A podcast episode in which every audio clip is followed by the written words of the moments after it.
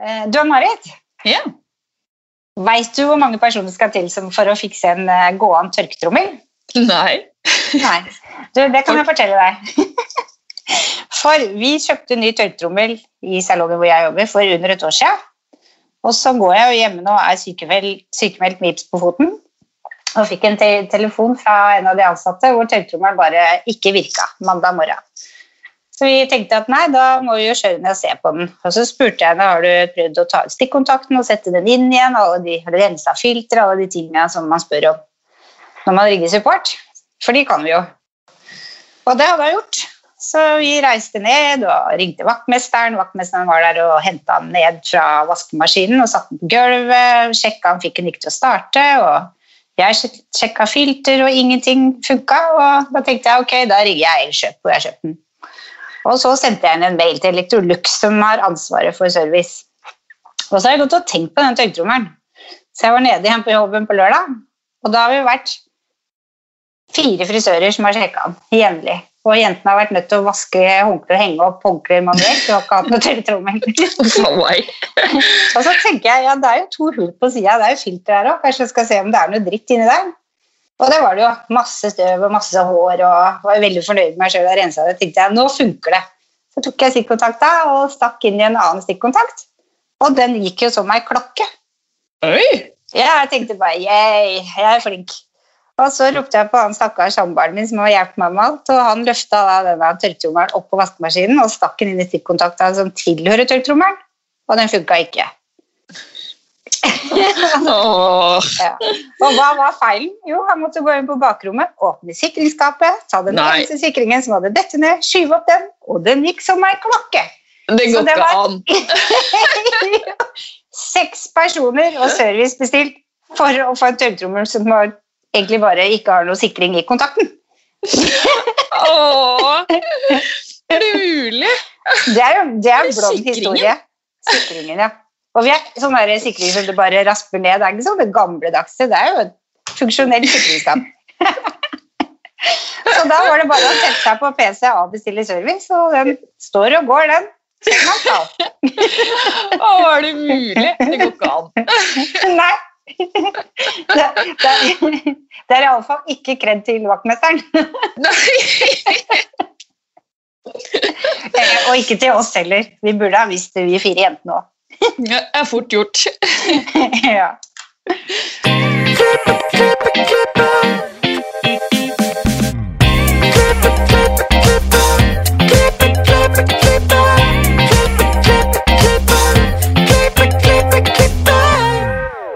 Velkommen til Hårpodden. Jeg heter Ann-Marit. Jeg heter Renate. Ja. Ja, hva skjer på sosiale medier? ja, du har sett det, du òg. Ja, Spennende. Veldig. Ja. ja. Nei, det er jo den konkurransen, da. Bak stolen. Awards. Starter om en måned. Ja, fantastisk navn. Veldig. Helt supert. Og det blir skikkelig spennende, tror jeg. Og veldig veldig gøy å holde på med nå. Vi trenger jo det her i bransjen nå. Absolutt. Hæ? Vi gjør jo ikke så veldig mye annet enn eh, å være i vår kohort i salongene, så det passer perfekt. Veldig. Og så er det så gøy at man kan sende inn så mange bilder man vil i hver kategori. Og at man ikke er avhengig av fotograf. Mm. Og kjempegøy for oss da, at man slikker sårene etter at vi ikke ble nominert med de bildene som absolutt, absolutt burde vært nominert.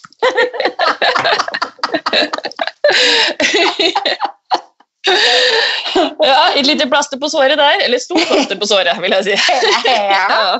Men vi har jo med oss en gjest på Skype som vanlig. Ja. Ja. Dagens gjest startet sin karriere med å pusse opp et gammelt hus med navn Kirsebærhagen. I dag er hennes yrke influenser, og hun har vært med å påvirke mange viktige debatter. Hun, som mange andre kjendiser, er sponset av en frisør. Men hva får vi ut av spons? Dette får vi vite mer om i dag. Velkommen til oss, Kristina Kirsebærhagen Fras. Tusen hjertelig takk! Se dere. Deilig å ha alle så på Skype. Ja. Du har jo vært med en gang før òg, du. Ja, det har jeg. Og herregud, jeg føler at det nesten var i går, men jeg skjønner jo nå at det begynner å bli et par år siden, så nå har vi jo eh, ja, kjent hverandre en stund. Veldig hyggelig å få være tilbake. Ja, Veldig stas å ha deg tilbake òg. Jeg veit en ting som jeg syns er veldig positivt med å ha spons da, på en influenser. Hva da? Nei, det er å få teste alle nye farger og fargeteknikker og være litt sånn fri. Ja. Og at det er ok. Og så er det alle de gode samtalene og alt det morsomme som jeg lærer av deg på sosiale medier etterpå. Ja, det må jeg si er det aller kuleste med å jobbe sammen med deg, Renate. eh, er at jeg har jo alltid syntes at det har vært veldig gøy med farge. Og jeg har farga håret veldig mye sjøl, og jeg har prøvd mye hos frisøren og jeg har prøvd mye på egen hånd. Uh, og så føler man jo når man er interessert i noe at man kommer til et punkt hvor man kanskje ikke blir så utfordra lenger, eller at man nesten kanskje føler at man har runda sånn inspirasjonsuniverset. Og da er det deilig å møte noen som er like interessert eller mer interessert, fordi dette er ditt fagfelt, men så er det min hobby. Eh, Så jeg føler at jeg blir utfordra av deg, at du har lyst til å prøve de tingene, at du kommer med ideer jeg aldri kunne tenkt ut sjøl, at du sitter og sanker inspirasjon og har moodboards og har ideer som jeg bare sånn Hæ? Det hadde jeg aldri tenkt på sjøl, men det er dødskult. Det er det aller beste. Ja. Tusen takk for det. jeg syns jo det er det aller morsomste òg. Gå og leite etter inspirasjon òg. Og bruke det oppi opp i håret etterpå. Ja, det er veldig, veldig stas og veldig gøy å liksom kunne finne noen man matcher med. For det er jo litt det det handler om, da. Det er jo fryktelig personlig, det her med håret. Ja, Ja, absolutt. Og en frisør man liksom klikker med, da. Det er jo alle sånne skrekkhistorier med at liksom, man fikk klippet for kort lugg, eller man fikk det på en helt annen måte enn man hadde sett for seg. Det handler jo egentlig bare om misforståelse mellom to mennesker som kanskje har helt forskjellige visjoner. Så det handler jo om å finne noen man liksom eh, ja, kommer overens med sånn ja, på det hårfaglige. Nei, absolutt. Men eh, de som ikke har hørt den episoden du var med på sist, kan ikke du fortelle litt hvem du er, og hvordan din karriere starta? Jo, det kan jeg selvfølgelig. Um, jeg starta dette sosiale mediekjøret med å uh, ja, Det er nå fire år siden da, hvor jeg eh, tidligere jobbet i et byrå som het United Influencers. Jeg hadde en samboer, uh, vi bodde sammen, og så hadde jeg sagt opp jobben, og så ble jeg dumpa, og så var det veldig mye på en gang. Faen meg. cancelled. Så jeg sto der og visste ikke hva jeg skulle gjøre egentlig helt med livet mitt. På mange måter var det litt sånn traumatisk og skummelt og vondt, men samtidig så var det også noe veldig befriende med det. Så jeg bestemte meg for å kjøpe et gammelt oppussingsprosjekt på Nesodden, som da er det her huset, og det het Kirsebærhagen. Så ble det en Instagram-konto rundt det, og den prosessen både med å pusse opp hus, men også litt å pusse opp seg selv, og den prosessen med å bli seg selv igjen og finne ut av karrierevei og hva man vil og hva man liker, og ja, rett og slett sånn skape mitt nye liv på en måte, da, for det var så mye som ble sånn røska opp ved rota. Um, og så begynte jeg egentlig å dele av det for gøy, men så har det etter hvert utvikla seg til å bli jobben min. da. Så Derfor så heter jeg Kirsebærhagen i sosiale medier, og så handler mitt univers om eh, ja, egentlig glitter og god stemning og girl power. Så det er nedpå og veldig ærlig, men samtidig er det mye farger og gøy, for det er det jeg elsker. Jeg elsker denne historien. Mm. Virkelig. Ja, det er liksom så inspirerende å høre om hvordan du er på topp, for så å være helt nede og virkelig komme deg opp igjen og finne ut av livet på nytt. Det er jo altså, så er det er jo svart-hvitt. ikke sant? Man kan se litt andres historier og tenke at det er svart-hvitt, mens for en selv vil det kanskje alltid føles ut som mange gråsoner. Så jeg prøver å vise det, og at det som kan være det verste som kan skje med en, kan også være det beste. Jeg har nok hatt eh, mine verste og beste perioder liksom parallelt. At jeg har vært veldig heartbroken, men jeg har også da vært ekstremt kreativ eller turt å ta sjanser jeg kanskje ikke hadde turt å ta hvis jeg følte at jeg hadde masse å miste. Og, um, ja. Mm. Jeg spør rett på sak. Hva får ut Nei, hva får frisøren ut av influensere i salongen? ja, eh, Hva mener du? Jeg tenker at forhåpentligvis får man um, en form for reklame som kan være ulikt alt annet. Eh, det er jo liksom vi snakka om i stad, at det er veldig personlig. Eh, så selvfølgelig så kan man dytte ut annonser for salongen i andre foraer. Men jeg tror at det man får ut av å ha en influenser i salongen, er noe litt nærmere. Noe hvor man viser det litt mer sånn Man kan i større grad få vist kanskje salongen sine verdier, en frisør sine personlige egenskaper. Uh, det blir uh, noe man kan følge, kanskje helst litt over tid. Fordi det er jo ikke så lett kanskje å forstå bare ved å se en logo eller et navn på en salong, hva de står for, og om det er salongen for meg. Hvordan skal man på en måte vite det? Så jeg tror at det å jobbe med influensere, da, i hvert fall hvis man gjør det riktig, um, så får man vist fram de tingene som kan være vanskelig å kommunisere kanskje i andre reklamefora. Da. Mm. Så da må man da må man liksom finne ut hva slags type man frisør, sånn som dere har gjort. Da. Renate er jo veldig fargerik hun òg, vil jeg si. ja, jeg, jeg føler at vi har funnet en bra match. Det likte jeg litt når, eh, når først Studio Alf kontakta meg. Da hadde jeg ikke engang masse følgere.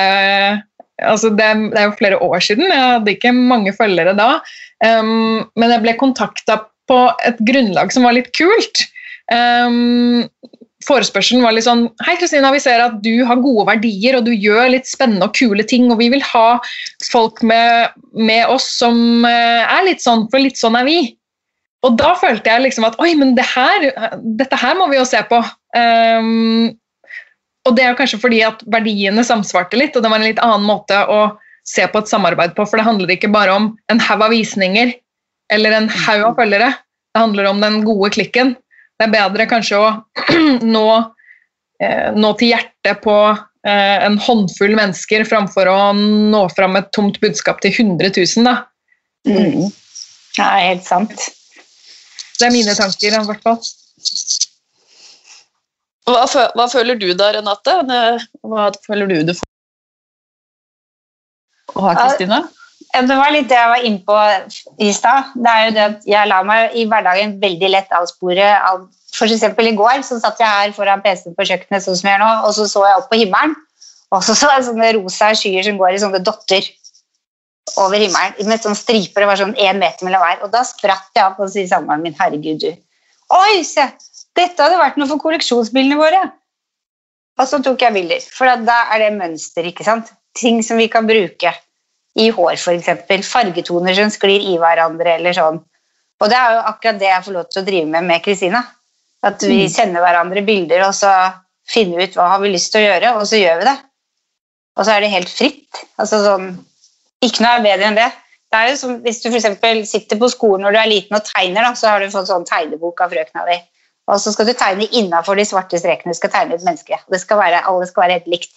Og du får beskjed om at sola er blå, og havet Nei, sola er gul, og havet er blått. ikke sant? Ja.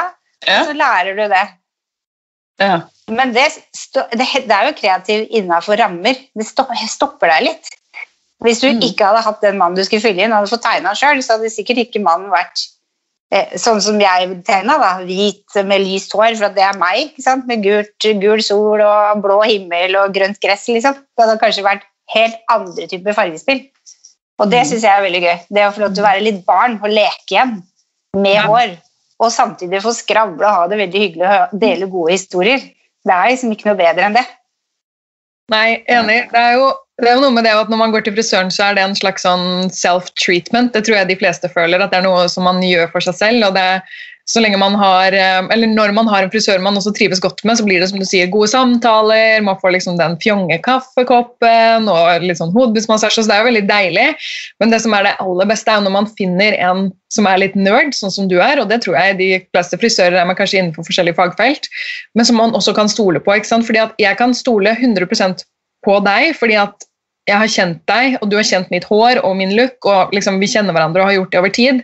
Og Det er det forholdet man vil ha til frisøren sin, sånn at, ikke, treng, at ikke jeg trenger å komme til frisøren og si at um, jeg vil se ut som på dette bildet, eller jeg vil se akkurat sånn ut. Men kanskje heller ha noe jeg er inspirert av, og så kan du tolke det, og så skjønner du hvordan det burde være på meg, i større, altså, i større grad enn jeg forstår det. Eh, jeg trodde f.eks. ikke at jeg kledde blått hår, for jeg farga håret mitt blått selv en gang, og jeg ble veldig bleik. Jeg måtte ha på så mye sminke for å ikke se død ut. Og så kommer jeg til deg en dag og så sier du at jeg har blitt inspirert av nordlyset og naturen og bare sånn naturkrefter, og jeg vil lage liksom blått og grønt. Og jeg er bare sånn Oi, shit, men kanskje jeg blir kjempebleik. Og så gjør jo du de fargene i håret mitt, og så ser jeg jo kjempe... Altså, fargene i fjeset mitt popper jo. Jeg ser ikke bleik, fordi du er jo bedre på dette enn meg. Og så lenge jeg kan stole på at du forstår meg, så kan jeg 100% gi deg friheten, og da blir det jo et bedre resultat. Så det tenker jeg at må være alles mål når man leter etter en frisør. At man finner den som man klikker med, og som forstår utseendet og looken og liksom det hele nok til at man kan legge fra seg tøylene litt selv, og så la fagpersonen styre. da. Mm. Mm. Ja, det, jeg husker du fortalte den historien eh, om hvordan du kom fram til eh, det der nordlyset. For du hadde en liten sånn tanke rundt dette. Kan ikke du fortelle om det, Renate? Eh, jo, det er Jeg er jo egentlig vokst opp i Nord-Norge. Jeg blei jo født der. Og det, det, har jo alltid vært veldig mye nordlys. Og så hadde jeg jo vært på ferie hos uh, foreldrene mine, og vi feira jul. Og da har det sittet festa i hodet, for da så vi nordlys på vei. Og pappa stoppa og han bare, å, nå skal vi dra på min faste spot, og kjørte langt inn i skauen opp, og du kunne se helt fra der vi sto på toppen av Rossfjord over til Tromsø, hvor det bare valser rundt på himmelen. Og det er jo farger som bare popper, det bare eksploderer. Og så sier jo faren min til meg at du veit hvorfor eh, du ikke skal på deg hvite klær når det er nordlys, så sier jeg nei. Så sier jeg, å, det er alle døde mennesker som danser på himmelen. Så kommer du og henter de hvitkledde, de skal opp, og så lo vi litt av det. og så, sånn. Så historien med nordlys har jo alltid fulgt meg. og Jeg har alltid vært veldig fascinert av det. Jeg syns det er eh, kjempespennende farger. Det som skjer i, i, naturen, det ser vi hver dag.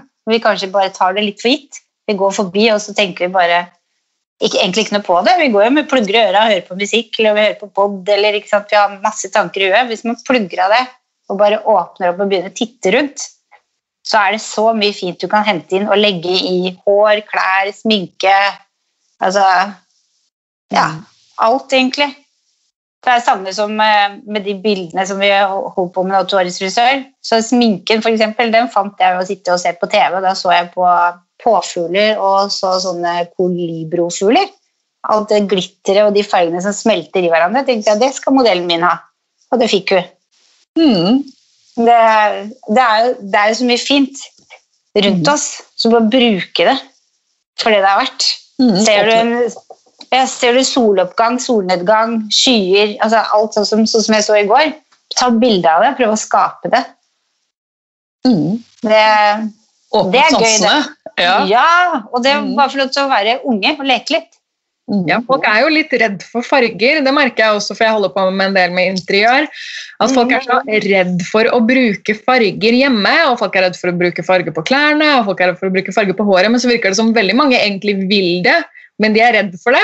Jeg lurer litt på hva som egentlig skjedde mellom da man var barn og bare sånn gledet seg over farger og glitter og det som er gøy, sånn som, sånn som du gjør, Renate, og sånn som jeg i stor grad gjør. Og så, hvordan kom vi på en måte, Hvordan gikk vi derfra til å være redd for å gjøre noe annet enn beige? Altså, det, det, har jeg en teori på, faktisk. Ja. Og det starter allerede når du går på skolen og skal tegne innafor visse former. Du får oppgaver du skal fylle ut, hvor alle skal tegne det samme. Og så starter vi altså vi, vi, er jo veldig sånn, og det tror jeg mange gutter også er. at Vi sitter og ser på venninna av oss eller sidemannen, og så tenker vi oi, de tegner mye finere enn meg, eller de skriver mye finere enn meg. Og så visker vi ut, og så begynner vi på nytt. Istedenfor at vi da er optimalt fornøyd med oss sjøl, så går vi hele tiden og sammenligner oss med hverandre. Og da, liksom, da blir det litt sånn i motebildet òg, da. At når du f.eks. den vinterjakka med ruter kom, så mm. poppa den opp på alle sosiale medier, og alle klesleverandører hadde det, og så begynte én eller to å kjøpe det. Og på et par uker så var det blitt eh, poppa opp så mye i, i hverdagen din at plutselig så hadde alle den jakka. Vi blir mm. veldig like. Ja, mm. vi gjør det. Og så er vi jo også sånn, Jeg har jobbet lenge i salg og jeg har jobbet lenge i butikk. at vi er jo sånn at Man går bort til den skoen som er utstilt som er grønn da, eller rød, og så mm. kjøper man den i svart. Ja. man så den og syntes den var fin i rød. Og så var det sånn Å, wow, den var fin. Har dere den i svart? Ja, da har vi. Ja, men da tar jeg den i 38, jeg. Ja. sånn. Vi syns egentlig det er gøy, men så tør man ikke helt. Uh, og så tenker jeg sånn Hva er det vi egentlig er redd for? Er vi redd for god stemning? Jeg tror man er. Jeg tror Den største frykten for de fleste mennesker er frykten for å mislykke og ikke få gode tilbakemeldinger. Ja. Egentlig. Det er vel det som hindrer oss egentlig å være ganske frie og tro mot oss sjøl. Ja, det som, men det som, som ofte skjer, er jo at man får gode tilbakemeldinger, man blir glad, man får mer energi av å omgi seg med ting man faktisk syns er fint, da, som gir energi.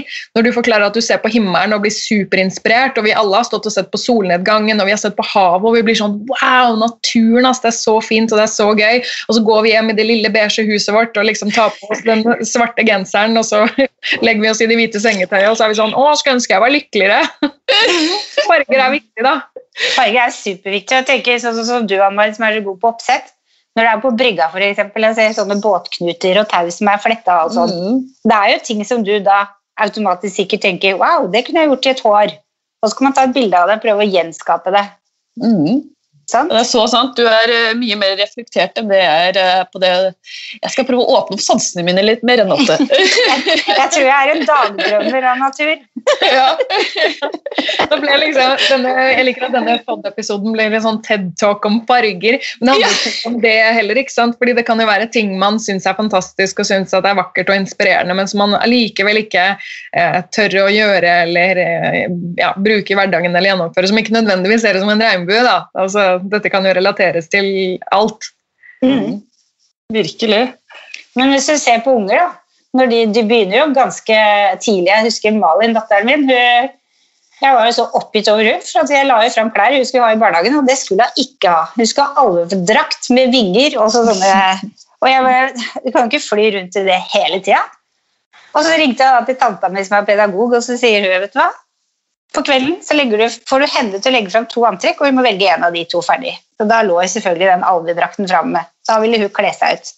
Så tenkte jeg, ja, ja, shit, hva er det verste som kan skje? Hun, hun får bare gå. Jeg tror hun gikk det i tre-fire uker i strekk. I alvedrakt? Ja, og det var liksom sånn nikkers-olabukser med pannebånd. og Det var ting som ikke passa sammen i det hele tatt. Men bare pass på å ikke si at vet du hva, sånn kan du ikke gå. Jeg tenker Det er hennes måte å prøve å finne seg sjæl på.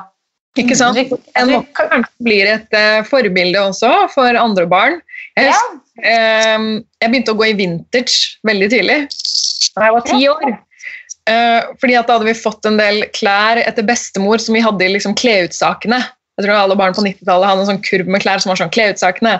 Og der var det kjoler etter bestemor som var skikkelig sånn fra 50-tallet. Og, og jeg syntes de var dødsfine, men det var ikke trendy ikke sant? når jeg vokste opp på 90-tallet. Det var ikke sånn det skal være. Og jeg hadde lyst til å gå med det på skolen.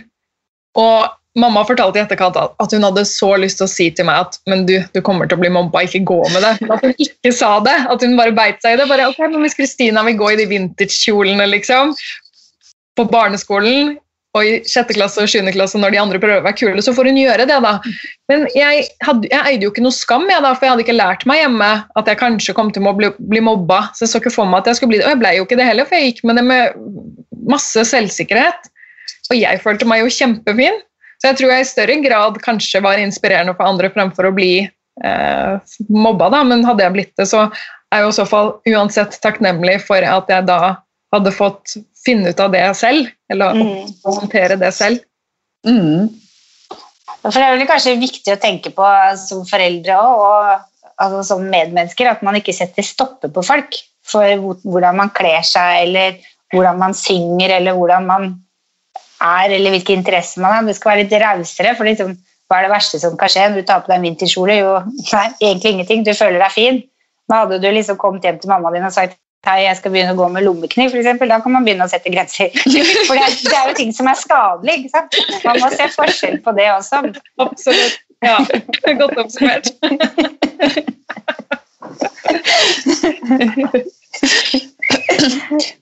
Vi skal gå tilbake til litt det der med influenser igjen. Hvordan velger vi riktig influenser? Vi har jo egentlig snakka litt om det, men eh, da må man jo finne ut hva slags type frisør man er og vil være. Egentlig. Skal, Hva man ønsker å vise fram. Ja, ikke sant, hva man ønsker å få ut av det. Jeg må innrømme at jeg ser en del sånne reklamesamarbeid hvor jeg syns at det er altfor streit, på en måte. For lite personlighet. At det bare er sånn kjempefint hår, og så er det bare sånn Var hos Og så frisøren i dag. Ikke noe om liksom, hvorfor går jeg dit, eller hva er opplevelsen når jeg går dit, eller hva er det den gjør som er annerledes enn jeg har opplevd før. Altså liksom eh, jeg syns det, det, det er mest inspirerende, da, eh, å se når folk faktisk deler liksom, At jeg får litt følelsen av at dette er noe altså, hva, hva, gjør at du går dit, på en måte? Um, så, og det må jo være enkelt. Selvfølgelig salong og influenser finne ut av sjøl hva som er viktig for dem å fremme. da. Men jeg tenker at grunnen til at man jobber med en influenser, er jo fordi det er mer personlig enn en reklameplakat. Mm. Eh, så at kommunikasjonen også er personlig, da, og eh, kreativ eller gøyal, eller i hvert fall vise litt av eh, det som er unikt med den salongen, eller med den relasjonen man har med frisøren, eller med frisørens personlige egenskaper, burde være litt essensielt. da, At det mm. er overens. Mm, enig. Lyser igjennom. Mm. Jeg vet ikke hva du tenker, Renate? Jo, det syns jeg er veldig viktig. At du, det syns jo på jobben din om du gjør noe du liker å gjøre, eller om du gjør noe du ikke liker å gjøre. Faktisk, det gjør jo det. Og så mm. syns jeg altså det å ha influenser, bortsett fra jobben og det kreative også, så er det jo sånn Det man også får igjen, tenker jeg, er jo det at du treffer mennesker på arenaer som alle er på. For de fleste er jo på sosiale medier, og man treffer flere ut enn om man skulle lage en plakat og henge i butikkvinduet, på en måte. Eh, det er også veldig viktig. Men burde man liksom ha Det er jo noen salonger som har veldig mange influensere, og noen har én. Mm. Er det liksom normalt på dette? Jeg tenker at alle frisører i utgangspunktet burde ha én influenser å trene på. Mm. Men det burde, eh, burde holde, holdt jeg på å si. Ja. Har du en salong med ti frisører, da, så har du ti influensere. Det burde jo egentlig holde i mm. utgangspunktet. Sånn, no, er man ekstra interessert, så kan man jo ha flere også. Det er jo ikke noe problem, det. Personlig så liker jeg å fordype meg i den ene jeg har.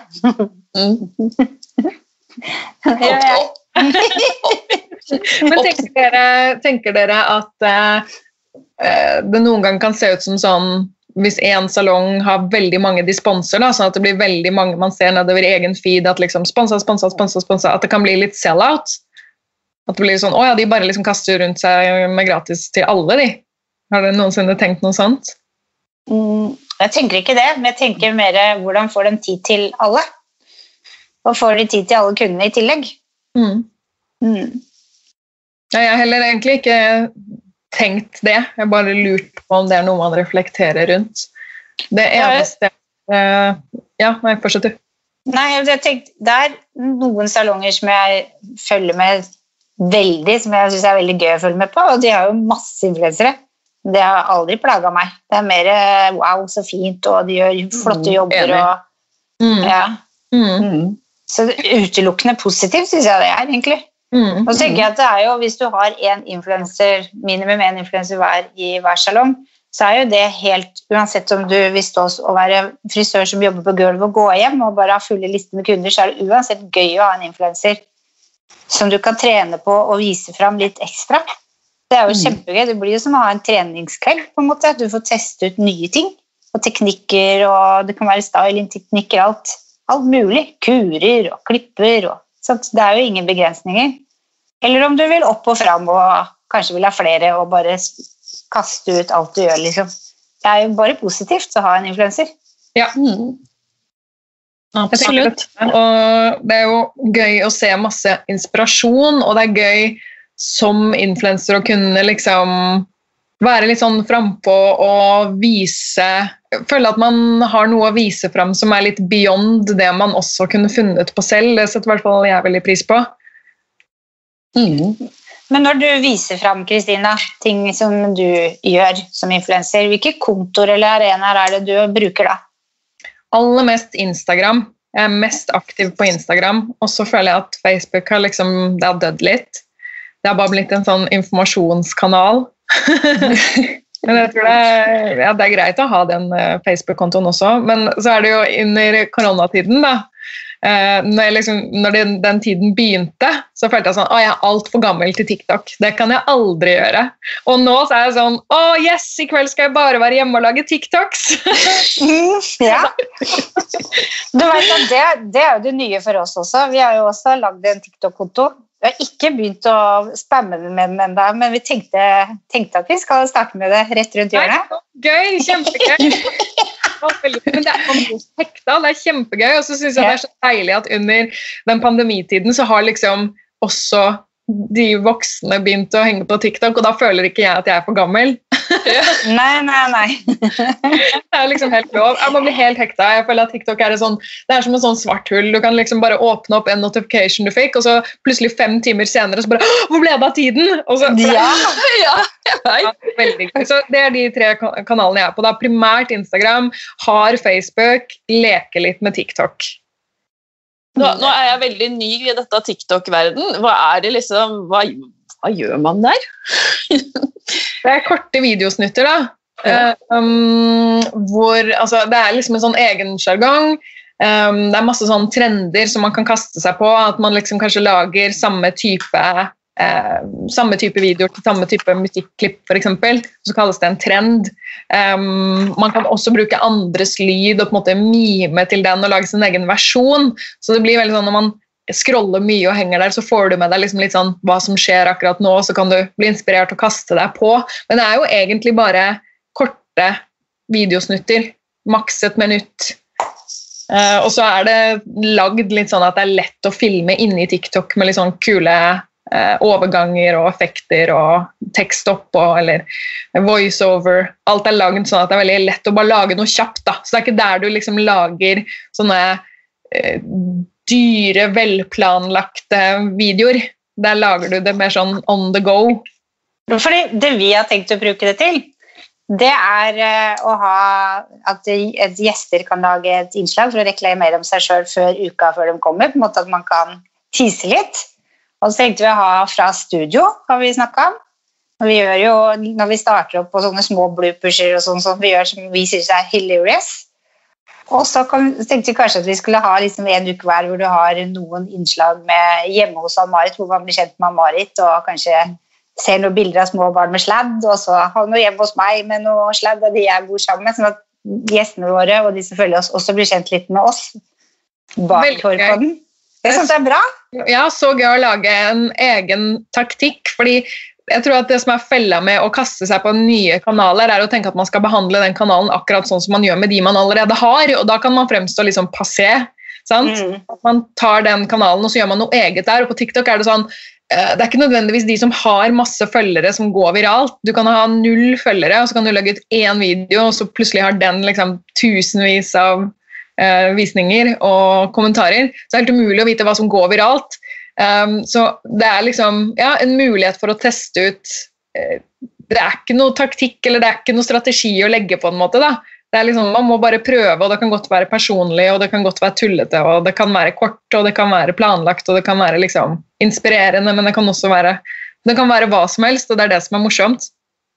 Fordi nå når jeg har vært sykemeldt, så har jeg, har jeg vært så, fått så dilla på en sånn app som jeg driver og spamma med for et par uker siden. Hvor du bytter ansikt med stjerner. Og Da er det sånne love stories, eksempel. Da har jeg liksom putta ansiktet på Marit og meg på en annen, og så er det musikk på dem. Og det er sånn som jeg har tenkt, det er jo dødsmorsomt å legge ut en sånn innimellom. Det er spesielt én jeg elsker, hvor han Marit er eh, jeg tror hun er sånn 70 pluss, det er jeg også, og så danser hun rundt på kjøkkenet. Sånn. Jeg tror det er fra Pantertanter eller noe. ja. Det er jo så gøy. Jeg Ja, går i og det er i seks timer. det, er gøy med hjemmekontor. Er, man finner på ting som man aldri kanskje ellers ville hatt tid til å styre med. da. Det er veldig morsomt. Men da, hvis noen sitter og tenker å, det burde jeg hatt i min salong, er det noe eh, man burde kasta seg rundt og gjort, eller? Jeg tror at eh, Hvis man har eh, tid og engasjement for å gjøre det, og man har lyst til å treffe en litt yngre målgruppe, da burde man gjøre det. Men man burde ikke gjøre det bare for å gjøre det. For det er vel ingenting som på en måte er kjipere enn å se noen som bare legger ut akkurat det samme som de legger ut på Insta for eksempel, på TikTok, bare fordi at sjefen har sagt at men dere skal ha den kontoen. sant? Altså Mm. Du må ha litt den driven til å lage det innholdet og følge litt med på hva går bra, hva går ikke bra, og, og ja, publisere. Og, så det handler jo om hva slags kapasitet man har, men, men absolutt, hvis man har kapasitet og man har gnist og har lyst til å prøve, så burde man jo absolutt kjøre på. Men så det, er jo, det er jo litt sånn at alle de sosiale mediekanalene, så kommer på en måte de nå sier jeg gåsetegn gamle. ikke sant? Sånn som meg og dere og alle andre som er 30 pluss. Når jeg jeg var ikke det før korona, men det er jeg nå. Um, så kommer, kommer på en måte vi inn på kanalene, og så finner kidsa på noe nytt. Så nå er jo TikTok der hvor kidsa fortsatt er, men liksom de voksne også begynte å komme litt inn. Så man må ikke bli forbausa hvis man er der og prøver å treffe en yngre målgruppe, og så plutselig kommer det enda en ny app som er enda yngre. Det er jo litt sånn det er hele tiden. da. Men det er det som har vært tanken vår også. for Da vi begynte å podde, så var vi jo Målet var jo å binde Frisør-Norge og bli kjent med bransjen og i det hele tatt. Og det syns jeg jo egentlig vi har gjort ganske så greit, eller greit, veldig bra. Men så handla det jo også om å utfordre sjøl og komme ut av komfortsona. Det er jo en grunn for at vi måtte ha to glass hvitvin i hvert bein før vi det hele tatt turte å snakke i mikken første gang. Og nå er det jo det samme med TikTok. Så når man har gjort en ting, begynt å mestre en ting, så må vi, vi må jo utfordre oss videre. Lære oss nye ting og få nye skills. Så hvis det kommer en ny app etter det, så er det bare kult. Ja, det er verdens sunneste holdning. Det er jo sånn det må være. Det kommer jo nye ting hele tiden, og det er jo det som er så gøy med sosiale medier. Det er jo det jeg syns er gøy med å jobbe med sosiale medier. Det er aldri det samme, og det kommer hele tiden eh, nye ting på appene man burde teste ut. og ja, det, det, forandrer seg hele tiden, og man må alltid være kreativ og man må alltid liksom være litt på. Så jeg sier kjør på. Kjør på på alle kanaler. Jeg tror eh, den um, største hva skal man si sånn, Det største hinderet da, folk som har lyst til å bli mer aktive i sosiale medier, møter, det er det hinderet man har oppi hodet. At man tenker sånn at det er kanskje ikke bra nok til å publisere. Denne teksten er kanskje ikke god nok, eller jeg vet ikke helt om det bildet er bra nok. Og så Istedenfor å bare publisere det, så sitter man og er veldig selvkritisk. Så den beste måten å komme over kneika på, er jo liksom å ta en reality check og tenke at de andre som sitter på andre siden og skal se det her, de er ikke så kritiske. Kanskje de bare scroller forbi og ikke engang ser på. Altså Man må mm. få huet litt ut av egen ræv og tenke at alle ser ikke på meg. Kan publisere det, og det er ikke krise hvis ikke det går dritbra, og kanskje det går dødsbra, men det får du aldri vite hvis du ikke publiserer. Så det, alt trenger ikke å være perfekt for at man skal trykke 'publish'. Nei. Man må bare gjøre det. Mm. Så slutter det å være skummelt etter hvert. Se, nå er jo dere på andre året av podding. Er det ikke ja. det? Jo, jo ja, jeg satt tenkte, er det ikke tredje? Det er tredje. det er en historie. Å være nervøs, og så blir det en C-historie. Og hadde det vært sånn at man hadde La oss si at jeg hadde publisert et blogginnlegg som jeg var litt nervøs for å legge ut. Og hva er det verste som kan skje? Jo, det verste som kan skje, er vel at ingen leser det. Men da har jo heller ingen lest det, så det er jo ikke så skummelt. Nei, det var bra refleksjon. Mm, veldig. Ja, jeg man... gleder meg til å begynne med TikTok. Jeg tror vi eh, Det blir gøy! ja, jeg er i den samme kategorien der. Jeg kjenner at jeg, oh, jeg må ha et par glass vin, kjenner jeg. Men, ja, men det kan vi fikse. ja, så bra. det eksisterer. Vi godt den ideen med at um, man kan ta med seg TikToken hjem, og så kan man se litt hvordan det blir i salong. Det er jo alltid mm. gøy med liksom før og etter, og jo mer hårinspirasjon, jo bedre. Altså. Mm. Nei, det blir veldig spennende, altså. Det, det er jeg helt enig i. Men uh, som du sa i stad, så må man ha en drive for det. Man kan jo ikke bare gjøre det én dag og tenke at det holdt. At Nei, man har en plan og en drive. Ikke sant? Man trenger ikke alltid å ha masse skills, men man må ha engasjementet og lysten og gnisten. Da kommer man fryktelig langt. da. Mm. Det. det har jo vi. Definitivt. det var selvskryt. Veldig bra. Hva er det absolutt beste med å være influenser, Kristina? Um, friheten og kreativiteten, syns jeg. Mm. Uh, jeg jobber mye og gjør mye mm, sånne litt sånn ting som ikke er det morsomste å gjøre. Regnskap og fakturering og alt sånt gjør jeg jo sjøl. Um, men jeg gjør gledelig det for å ha muligheten til å styre min egen dag og velge selv hva slags samarbeid jeg har lyst til å jobbe med, og, og ha muligheten til å velge selv om jeg skal legge opp uka sånn at jeg jobber litt hver dag eller masse tre dager og har litt mer frihet til å være kreativ de andre dagene, eller om jeg må stå opp tidlig, eller om jeg ikke skal Altså, Den friheten er verdt all innsatsen, føler jeg da. Så det er det absolutt beste. Sikkert både med å være influenser, men også å være selvstendig næringsdrivende. da. Mm.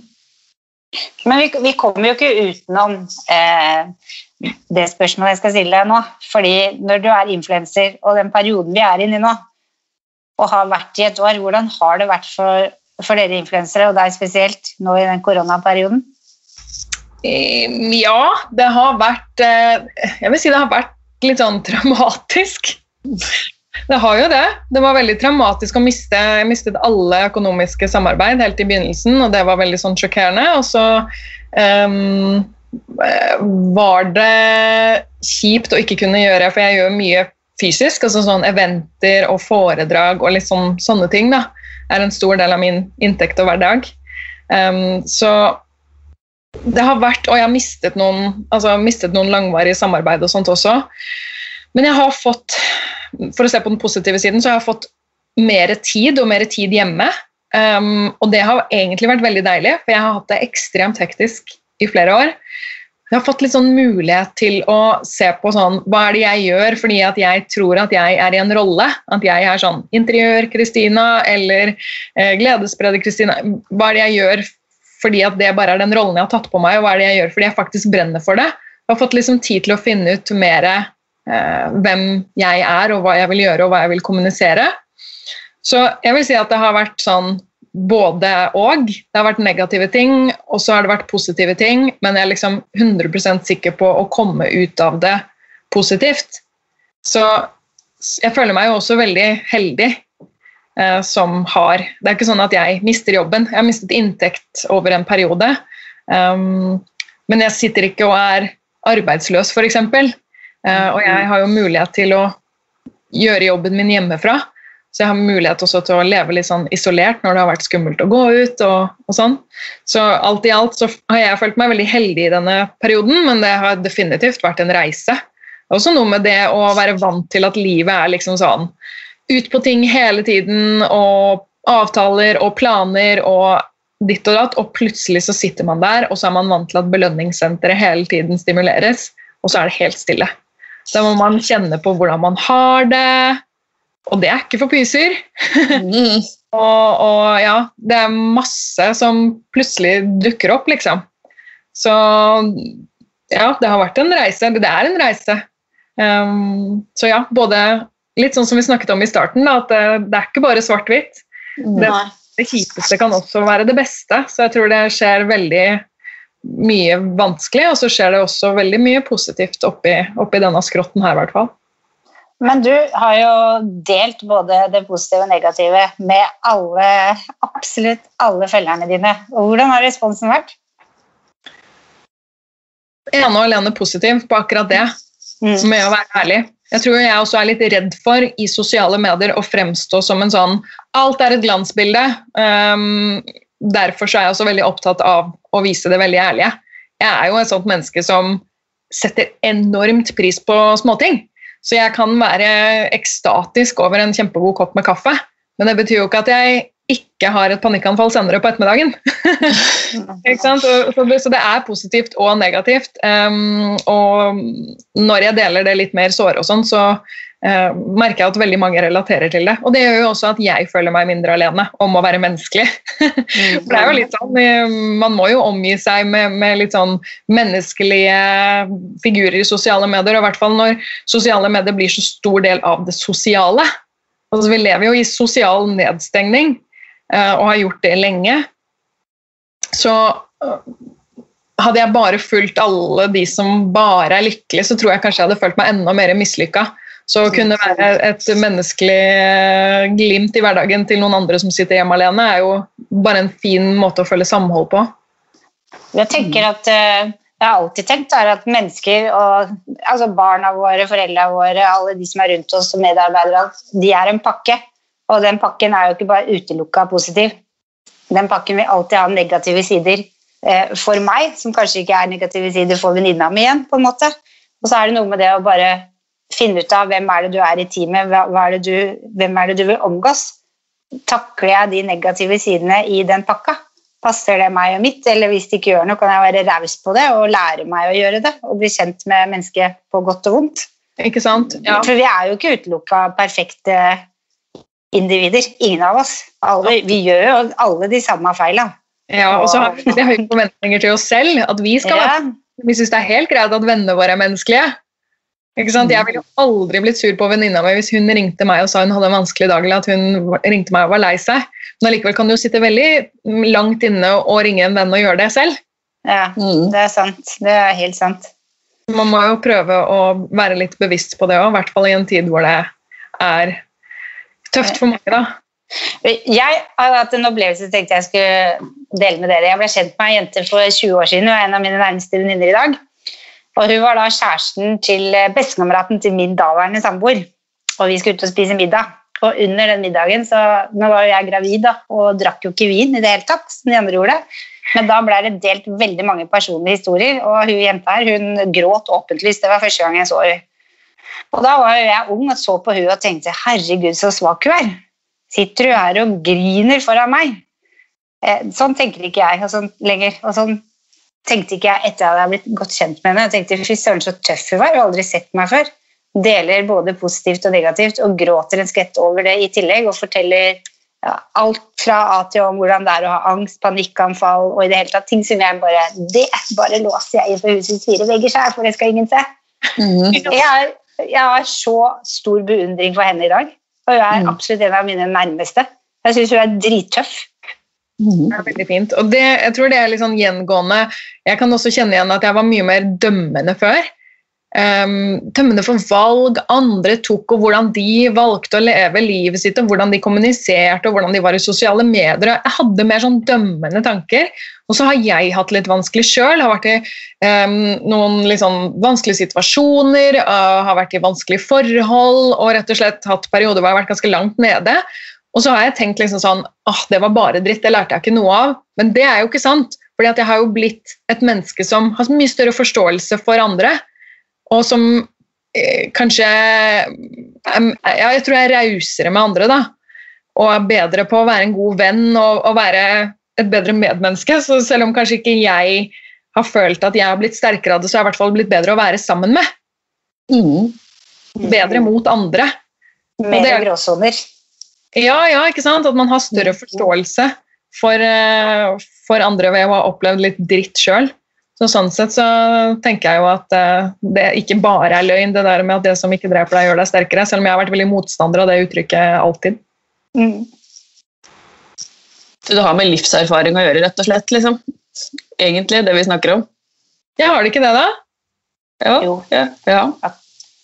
Absolutt. Samtidig så kan du jo møte mennesker som er ganske forholdsvis unge og ekstremt reflekterte, hvor de kanskje har opplevd masse på veldig kort tid, fra de mm, ja. ble født til de Absolutt. Og så kan det være noen som på en måte le fortsatt lever litt sånn on the surface, som kanskje bare har svevd litt da, på skyer hele livet, og kanskje ikke har den dybden. Og så er det greit òg, for da forstår man at sånn er du. Ja, ikke sant? Da, da er det ikke den venninna du ringer til når du har en kjip dag. Nei, det Nei. Da ringer du til hun andre. Du har et langt liv levd, men det trenger å være å ha levd, levd livet. Ja. Sant. Jeg har noen faste spørsmål til deg òg.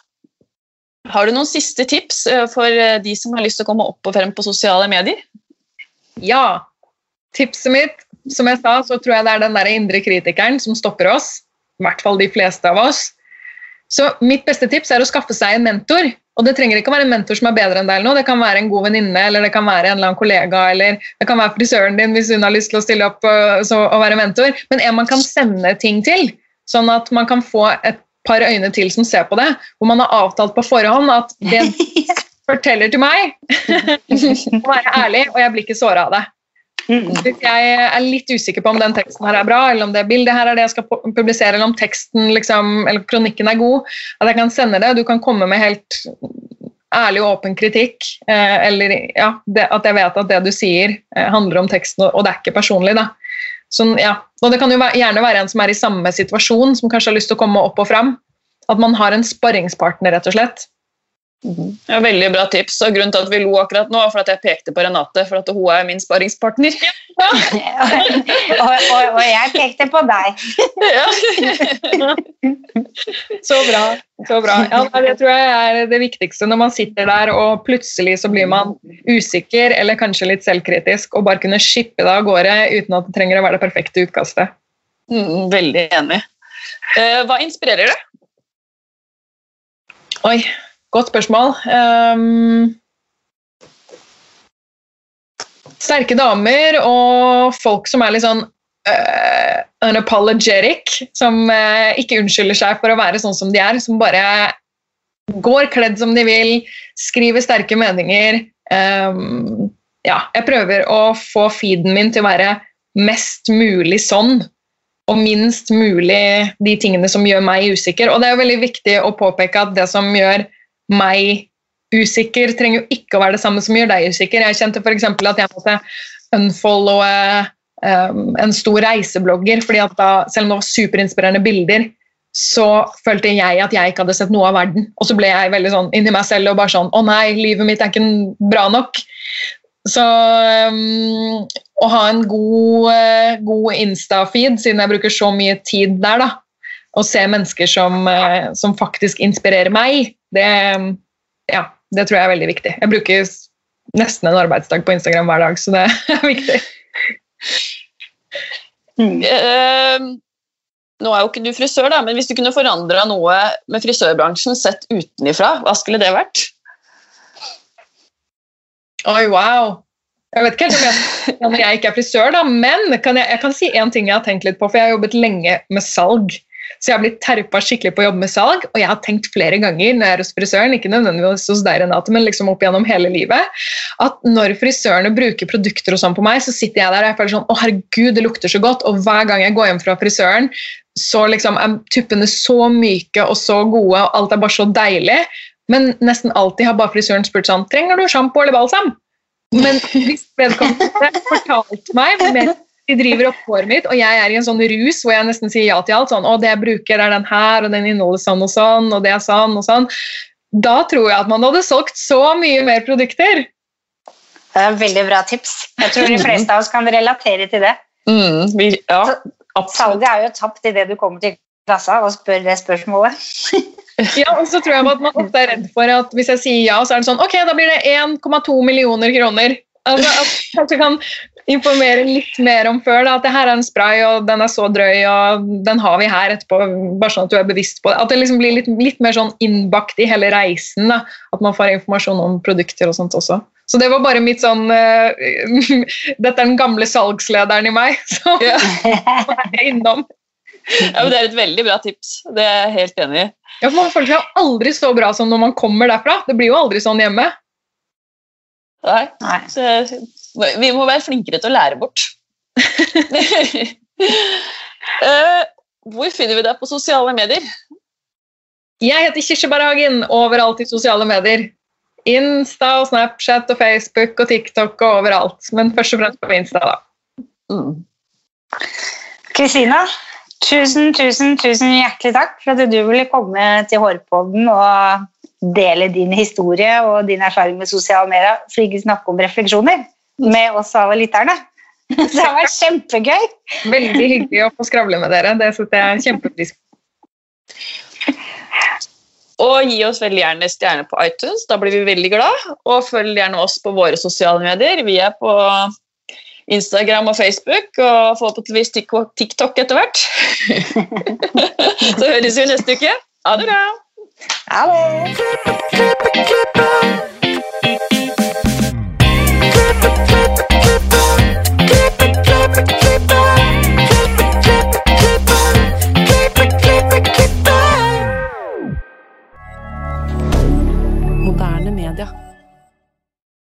Har du et enkeltpersonforetak eller en liten bedrift? Da er du sikkert lei av å høre meg snakke om hvor enkelt det er med kvitteringer og bilag i fiken, så vi eh, gir oss her, vi. Fordi vi liker enkelt. Fiken superenkelt regnskap.